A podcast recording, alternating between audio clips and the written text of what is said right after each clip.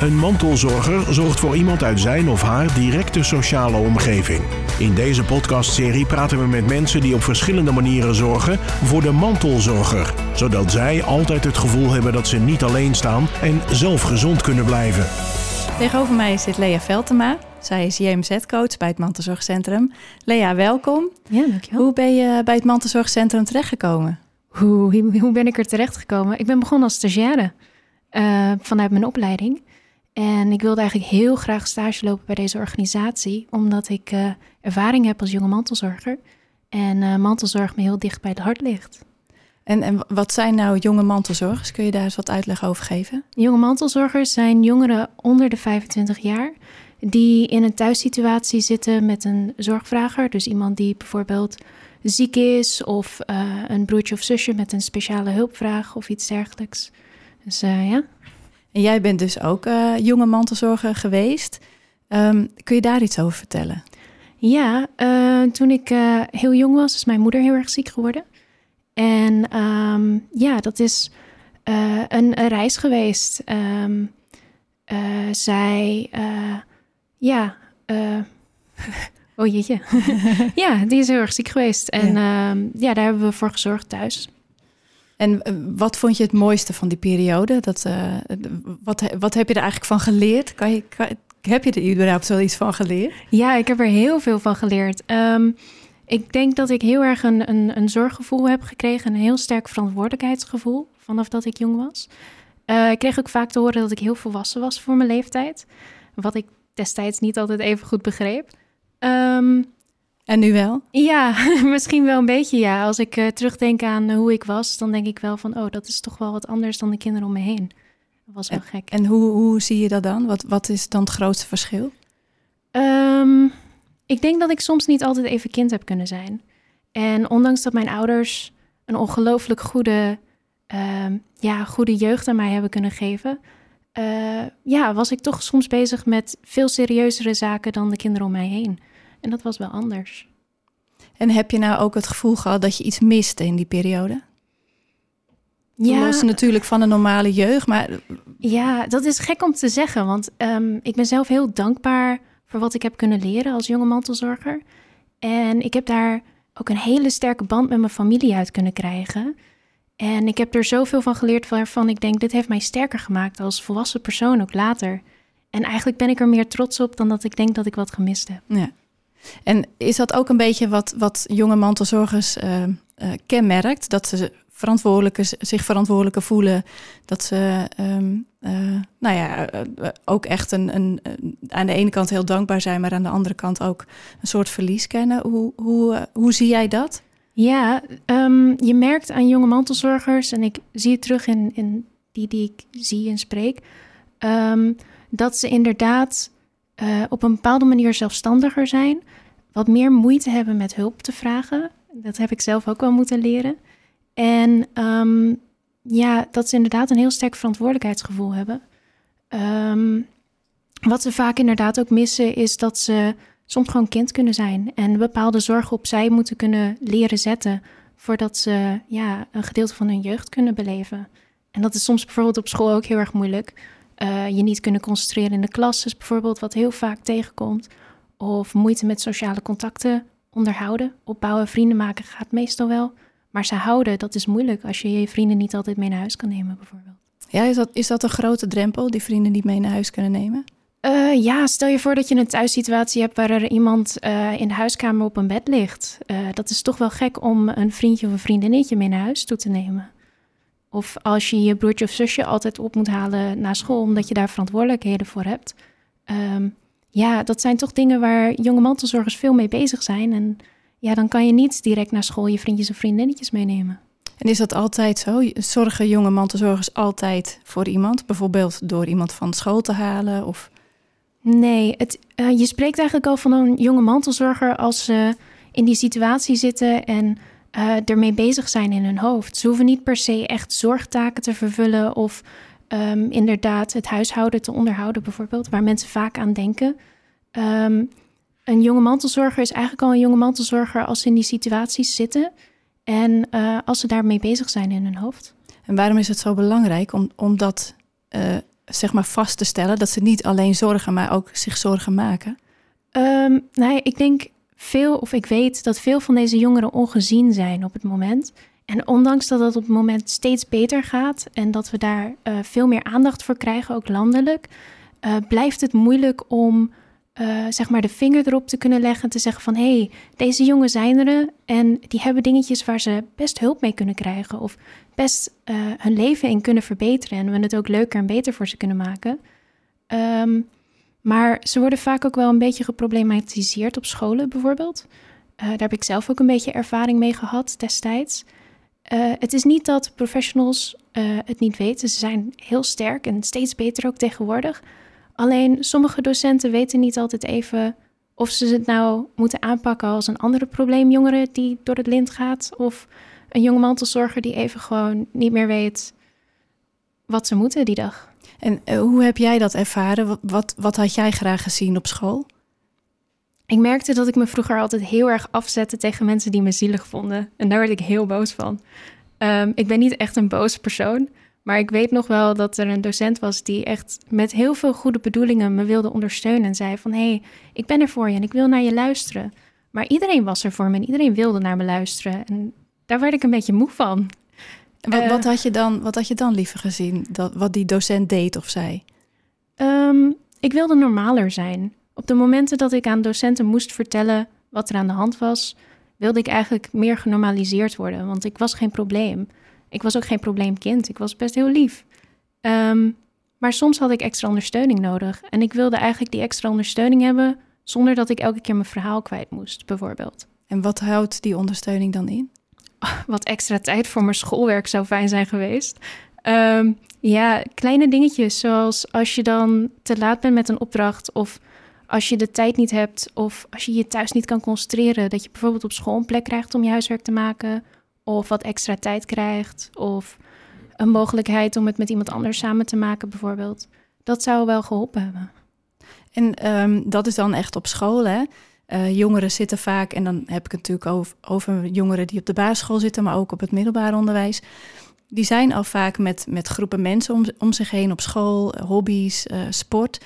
Wat maakt zo belangrijk, los van alle faciliteiten op school, dat, dat uh, het gezien worden en steun in een omgeving zo belangrijk is?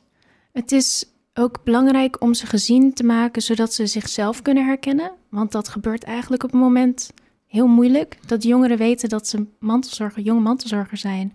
Wist uh, jij dat? Nee. en hoe kwam je erachter? Um, nou ja, op een gegeven moment begon ik meer te lezen over zorg. Ik heb een zorgopleiding gedaan en uh, als professional in de zorg gewerkt. En merkte toen dat um, de jongeren die er aanhangen bij de volwassen mantelzorgers, laat ik maar zo zeggen, uh, zich helemaal niet realiseren dat de situatie waar ze in zitten eigenlijk abnormaal is het is normaal. Je bent ermee opgegroeid. Het is gewoon zo. En dat is eigenlijk heel gek. Um, ja, als ik dan terugkijk, dan denk ik, ja, dit was mijn leven en dit was normaal. Maar dat is het niet. En hoe, hoe kunnen mantelzorgers zich dan, jonge mantelzorgers zich dan beter herkennen, denk jij? Um, ik denk dat we op een bepaalde manier moeten leren het te benoemen bij elkaar. Op een niet problematiserende manier. Zoals ik zei, ik vond het moeilijk als mensen me zielig vonden of zeiden: Oh, ik wil wel naar je luisteren. Um, maar dat we elkaar in de kracht zetten en zeggen: van hé, hey, wat jij doet, dat is bijzonder en dat is heel knap. Um, hoe kan ik jou faciliteren? Kan ik wat voor je doen? Heb je iets nodig? Um, weet je wel hoe bijzonder je eigenlijk bent? Weet je hoeveel liefde er zit in wat je doet voor je familie? En ik denk dat we echt moeten gaan benadrukken bij jongeren en bij kinderen dat ze weten hoe tof ze zijn en hoe stoer dat is. En dat ze dat ook met elkaar kunnen delen, zodat ze ook samen kunnen komen onder jonge mantelzorgers. Want dat is er nog niet. Er is nog geen uh, platform of, of iets waar jonge mantelzorgers samenkomen. Die platforms zijn er wel, alleen het is moeilijk om ze uh, daar echt op um, samen te brengen. Helemaal in de huidige tijd is dat een beetje gecompliceerd soms. Um, ja, uh, het moet, het moet um, hoe zou ik dat verwoorden? Uh, het moet nog groeien. En ik denk dat het dat doet. En ik denk dat we elkaar uh, beter kunnen gaan vinden. Daar, zeker op een moment gaat daar meer vaart, achter zitten. Uh, maar ehm, ja, het, het, zou wel wat extra stapjes kunnen hebben, zeg maar. Is dat ook waar jij als JMZ-coach, want je bent JMZ-coach, waar, waar, jij een rol in kan spelen? Jazeker. Um, jonge mantelzorgers kunnen met mij in contact komen. Uh, hoe ze dat willen, hoe dat hun uitkomt. en dan ben ik er ook voor om ze in contact te brengen met elkaar. Um, via een, een online platform waar ik zelf verantwoordelijk voor ben, bijvoorbeeld. En via het mantelzorgcentrum waar we organisa of, uh, activiteiten kunnen organiseren bijvoorbeeld. En dat platform, wat houdt dat precies in? Op het moment hebben we een, een Discord-server. En dat is een online server waarin je eigenlijk met elkaar kan chatten. Uh, en gesprekken kunt hebben bijvoorbeeld. Um, en daar kan je van allerlei activiteiten doen of uh, een spelletje met elkaar spelen of een gesprekje doen. En dat kan over de mantelzorg gaan, maar dat hoeft helemaal niet. En kan daar iedereen gewoon bij? Uh, nou ja, het is voor jonge mantelzorgers. Dus andere mensen die erbij zitten, die vallen buiten de boot. Um, maar uh, ja, jonge mantelzorgers kunnen gewoon een accountje aanmaken op Discord als ze daar um, oud genoeg voor zijn. En uh, dan zijn ze zeker welkom, ja. En wat doe jij nog meer als JMZ-coach? Ga je bijvoorbeeld ook met, met jonge mantelzorgers in gesprek? Als een jonge mantelzorger daar behoefte aan heeft, dan um, ben ik er om een luisterend oor te bieden. Ik kan ook kijken naar uh, wat ze bijvoorbeeld nodig hebben als ze een ander soort ondersteuning nodig hebben en ze doorverwijzen naar andere professionals. Um, dus uh, ja, ik, ik kan die ondersteuning zelf misschien geven, maar ik kan het ook uitbesteden als ze daar wat specifiekere hulpvragen voor hebben. En hoe, hoe ga je dan op zoek naar die jonge mantelzorgers of laat je ze naar je toe komen? Hmm, ik zou ze niet willen gaan um, ja. recruiten. recruiten. maar um, ik wil in ieder geval duidelijk maken dat ze altijd welkom zijn en dat er geen dwang achter zit. Want ik weet dat ik het niet leuk vond toen ik gedwongen werd om te praten. En dat wil ik andere jonge mantelzorgers niet aandoen. Maar het is wel belangrijk dat ze weten dat er de mogelijkheid is en dat ze vrij zijn om te komen of niet. Hey, en um, je hebt het ook over professionals gehad. Hè? Nou, dat zijn dan professionals, de docenten op school. Wat voor andere professionals zouden jonge mantelzorgers kunnen helpen? Uh, er zijn heel veel jeugdprofessionals in Nederland. Um, waar ik ook steeds meer contacten mee krijg en ook steeds meer van mag leren wat voor mooie activiteiten en wat voor mooie projecten zij doen. Dus wat dat betreft um, groeit mijn persoonlijke netwerk, wat dat ook met de week eigenlijk merk ik steeds meer. Um, dus ja, uh, dat zijn ook wel docenten op scholen. Dat zijn ook um, instanties die activiteiten doen of jeugd, jeugdhuiskamers bijvoorbeeld, noem maar op. Uh, er is veel. En wat organiseert het mantelzorgcentrum zelf voor jonge mantelzorgers? Uh, we hebben sowieso de dag van de mantelzorg en dan de dag van de jonge mantelzorg. Um, vorig jaar hebben we uh, de mogelijkheid gemaakt om online een escape room te doen. En uh, dat was echt heel spannend. Um, misschien voor, voor, de, voor komend jaar dat we nog iets anders leuks kunnen bedenken. Of zoiets kunnen voortzetten. En wat was er zo spannend aan de escape room? Nou, een escape room is sowieso spannend. um, ja, het leuke is, is dat ze die online konden doen. Dus je hoeft je niet zorgen te maken over um, locatie of weet ik veel wat. En um, dan konden ze die online doen via Discord. En dan kan je een groepje maken met andere jonge mantelzorgers. En dat kan zijn als je er al je eentje kent, of dan brengen wij je in contact met een groepje. En dan kan je dat samen spelen. En dan doe je dat verhaal en dan misschien leer je elkaar een beetje kennen. En waarom is dat zo belangrijk om, om elkaar te leren kennen? Um, mensen of jongeren van een eigen situatie of een vergelijkbare situatie begrijpen elkaar misschien iets beter dan andere jongeren. Ik merkte het zelf ook wel dat ik jong was en dat ik me niet altijd begrepen voelde door mijn eigen, eigen leeftijdsgroep. Maar het moment dat ik een andere jonge mantelzorger tegenkwam die zei: ja, mijn vader heeft dit of mijn vader heeft dat, of mijn moeder heeft dat of mijn broertje, zusje. Dan dacht ik, ja, ik snap je. Ik weet het. En dan bijna, je bespreekt het al bijna niet meer. Je kijkt elkaar gewoon aan en je, je weet het. En dat is al fijn, die, die herkenning bij elkaar. Ja, dat is een, een warm, bijzonder gevoel. Um, het is net alsof je van elkaar een beetje weet hoe de wereld eruit ziet voor die ander, zonder dat je elkaar eigenlijk kent. Het is een beetje gek. Is dat zo vervelend dan, dat je dat iedere keer weer opnieuw moet uitleggen? Um, uitleggen aan mensen die dat zelf niet meemaken. Als jongere heb ik daar wel moeite mee gehad. Um, ja, hoe leg je uit hoe, uh, hoe trots je bent, maar ook hoe kwetsbaar je kan zijn in zulke situaties? Dat is soms wel moeilijk geweest om te verwoorden, vooral toen ik wat jonger was. Ook naar je leeftijdsgenoten? Ja, ja. Je weet niet altijd of ze het begrijpen. En als ik het bijvoorbeeld aan vrienden of school vertelde waarvan ik dacht: Oh, we zijn close en je begrijpt het toch wel. Dan kwamen ze toch met iets dat ik dacht: Ja, dat is niet helemaal wat ik bedoel. Maar wat fijn dat je het probeert. dus je merkt daar echt een kloof in met mensen die het niet hebben meegemaakt en mensen die er middenin zitten. Ja, soms wel. Soms wel. En is er dan ook een verschil of je uh, zorgt voor, of tenminste, of je vader of moeder ziek is, of dat je gehandicapt broertje of zusje heeft? Uh, hebt, zit daar een verschil in? Ja, ik kan natuurlijk niet spreken voor mensen die niet een vergelijkbare situatie hebben gehad als ik. Um, maar ik merk soms wel dat ik soms dacht: oké, ik denk dat dat ongeveer hetzelfde is, maar volgens mij begrijp ik het niet helemaal. Dus ja, het zal per situatie zeker nog verschillen. Dus, uh, en hoe ga je daarop in als, als JMZ-coach? Als JMZ-coach probeer ik Um, gewoon te luisteren, dat is zeker het belangrijkste. Luisteren naar wat de ander te vertellen heeft en wat ze willen vertellen. En dan kijken of we daar misschien een overeenkomst in kunnen vinden bij anderen. En um, dat wat je toch gelijk hebt, wat je samen hebt, dat maakt het toch bijzonder. En daar kan je elkaar ook wel weer in versterken. En hoe versterk je elkaar dan? Uh, door elkaar in een kracht te zetten. Te vertellen hoe bijzonder of hoe goed het is dat je iets doet. Um, maar ook je er bewust van te maken dat het oké is als je een keertje uit wil stappen. Of wat extra tijd wil nemen voor jezelf bijvoorbeeld. Kan dat? Kunnen jonge mantelzorgers dat zomaar doen? Even eruit stappen? Ja, tuurlijk. Nou ja, of dat nou echt kan met je hoofd en met hoe goed je het bedoelt en hoe goed je ermee in je hoofd zit, misschien niet. Want die gedachten blijven in je hoofd zitten, in ieder geval voor mij.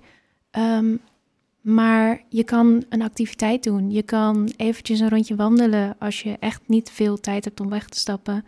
Ehm, en je kan ehm, met ons op Discord een babbeltje doen bijvoorbeeld. En merk je nou als JMZ-coach of misschien uh, ook gewoon op het, uh, op het platform... dat het lastig is om, om jonge mantelzorgers te laten praten over een situatie? Ja, mm, ik moet bekennen, het, het platform moet nog groeien. En ik merk dat ik nog wel op zoek ben naar jongeren die daar met mij mee in willen groeien en met andere jonge mantelzorgers in mee willen groeien. Dus dat is soms nog even zoeken. Maar um, ja, praten over je eigen situatie kan soms heel fijn zijn en soms dan wil je het ook niet. Dus ja, dat zien we dan wel. Merkte jij vroeger dat je, dat je echt de behoefte had om, uh, om over je situatie te praten? Uh, soms wel, soms niet. Het is een beetje een afweging. Soms dan heb je echt zoiets van: oh nee, ik moet je weer dat standaard verhaaltje vertellen. wat ik echt al zo vaak aan iedereen heb verteld. en elke dag weer opnieuw opratel. En soms dan denk je: oh hey, hier kan ik even een ander verhaaltje kwijt. En ze kennen me toch niet, dus laat ik even klagen. En, en hangt het dan ook van de persoon of de situatie af? Ja, tuurlijk hangt het van de persoon en de situatie af. Soms is het leuk om een vreemde gewoon hele, hele persoonlijke dingen te vertellen en het dan nooit meer terug te hoeven horen. en soms is het juist helemaal niet leuk om dat te doen. Dat hangt er een beetje van af. Ja, ook een beetje om jezelf uh, in bescherming te nemen misschien. Ja, ja. ja. En heb jij nog een tip voor uh, jonge mantelzorgers? Ik denk dat het belangrijkste om te weten als jonge mantelzorger is dat je weet hoe bijzonder je bent dat je niet alleen bent en dat je, ondanks dat je in een hele abnormale situatie zit, of een soort van abnormale situatie zit, je heel normaal bent en dat het oké is om, om jezelf daarin te zijn. En um, je mag jezelf herkennen als, als jonge mantelzorg of JMZ'er. Dat vind ik er altijd beter uitkomen. JMZ'er. en um, ik hoop dat je weet hoe bijzonder je bent. En, en hoe gaat het dan in zijn werk? Stel nou, je luistert hiernaar hè, en je denkt van, ja, ik ben jonge mantelzorger en nu? Ja, um, als je daar wat mee wil, dan kan je contact opnemen met bijvoorbeeld mij via het mantelzorgcentrum. Als je daar niets mee wil, dan um, is dat ook oké. Um, mocht je erover praten, kan je dat ook met je docent op school doen. Probeer te verwoorden wat je prettig vindt en wat je niet prettig vindt. En onthoud dat jij daar leidend in bent. En is het ook zo dat um, als jij terugkijkt op, op voorheen, toen jij in de situatie zat, uh, en nu denk je dat docenten daar al meer oog voor hebben voor jonge mantelzorgers? Ja, wow, ja. um, ik merk of ik wat ik zie, en dat kan ook verschild zijn omdat die tijd anders is, maar ik zie dat er veel meer um, uh, uh, theorie over is en veel meer onderzoek naar gedaan wordt en uh, kennis over aan het verspreiden is in ieder geval. Um, en ik denk dat docenten daar ook meer over leren. Ik kan daar geen ehm, precieze uitspraak over doen, omdat ik toen natuurlijk een heel ander jong persoon was. Ehm, maar ik denk dat we er in Nederland zeker meer aandacht voor krijgen. Dus dat, dat is anders. Vaar dat ook een beetje mee op ehm, de bekendheid van volwassen mantelzorgers, denk je? Ja, ja, ik denk dat het nog wel een beetje moeilijk is voor jonge mantelzorgers, omdat mensen, als ze denken aan mantelzorg, ze dan nog steeds wel veel denken aan een volwassen persoon die zorgt voor een ander volwassen persoon.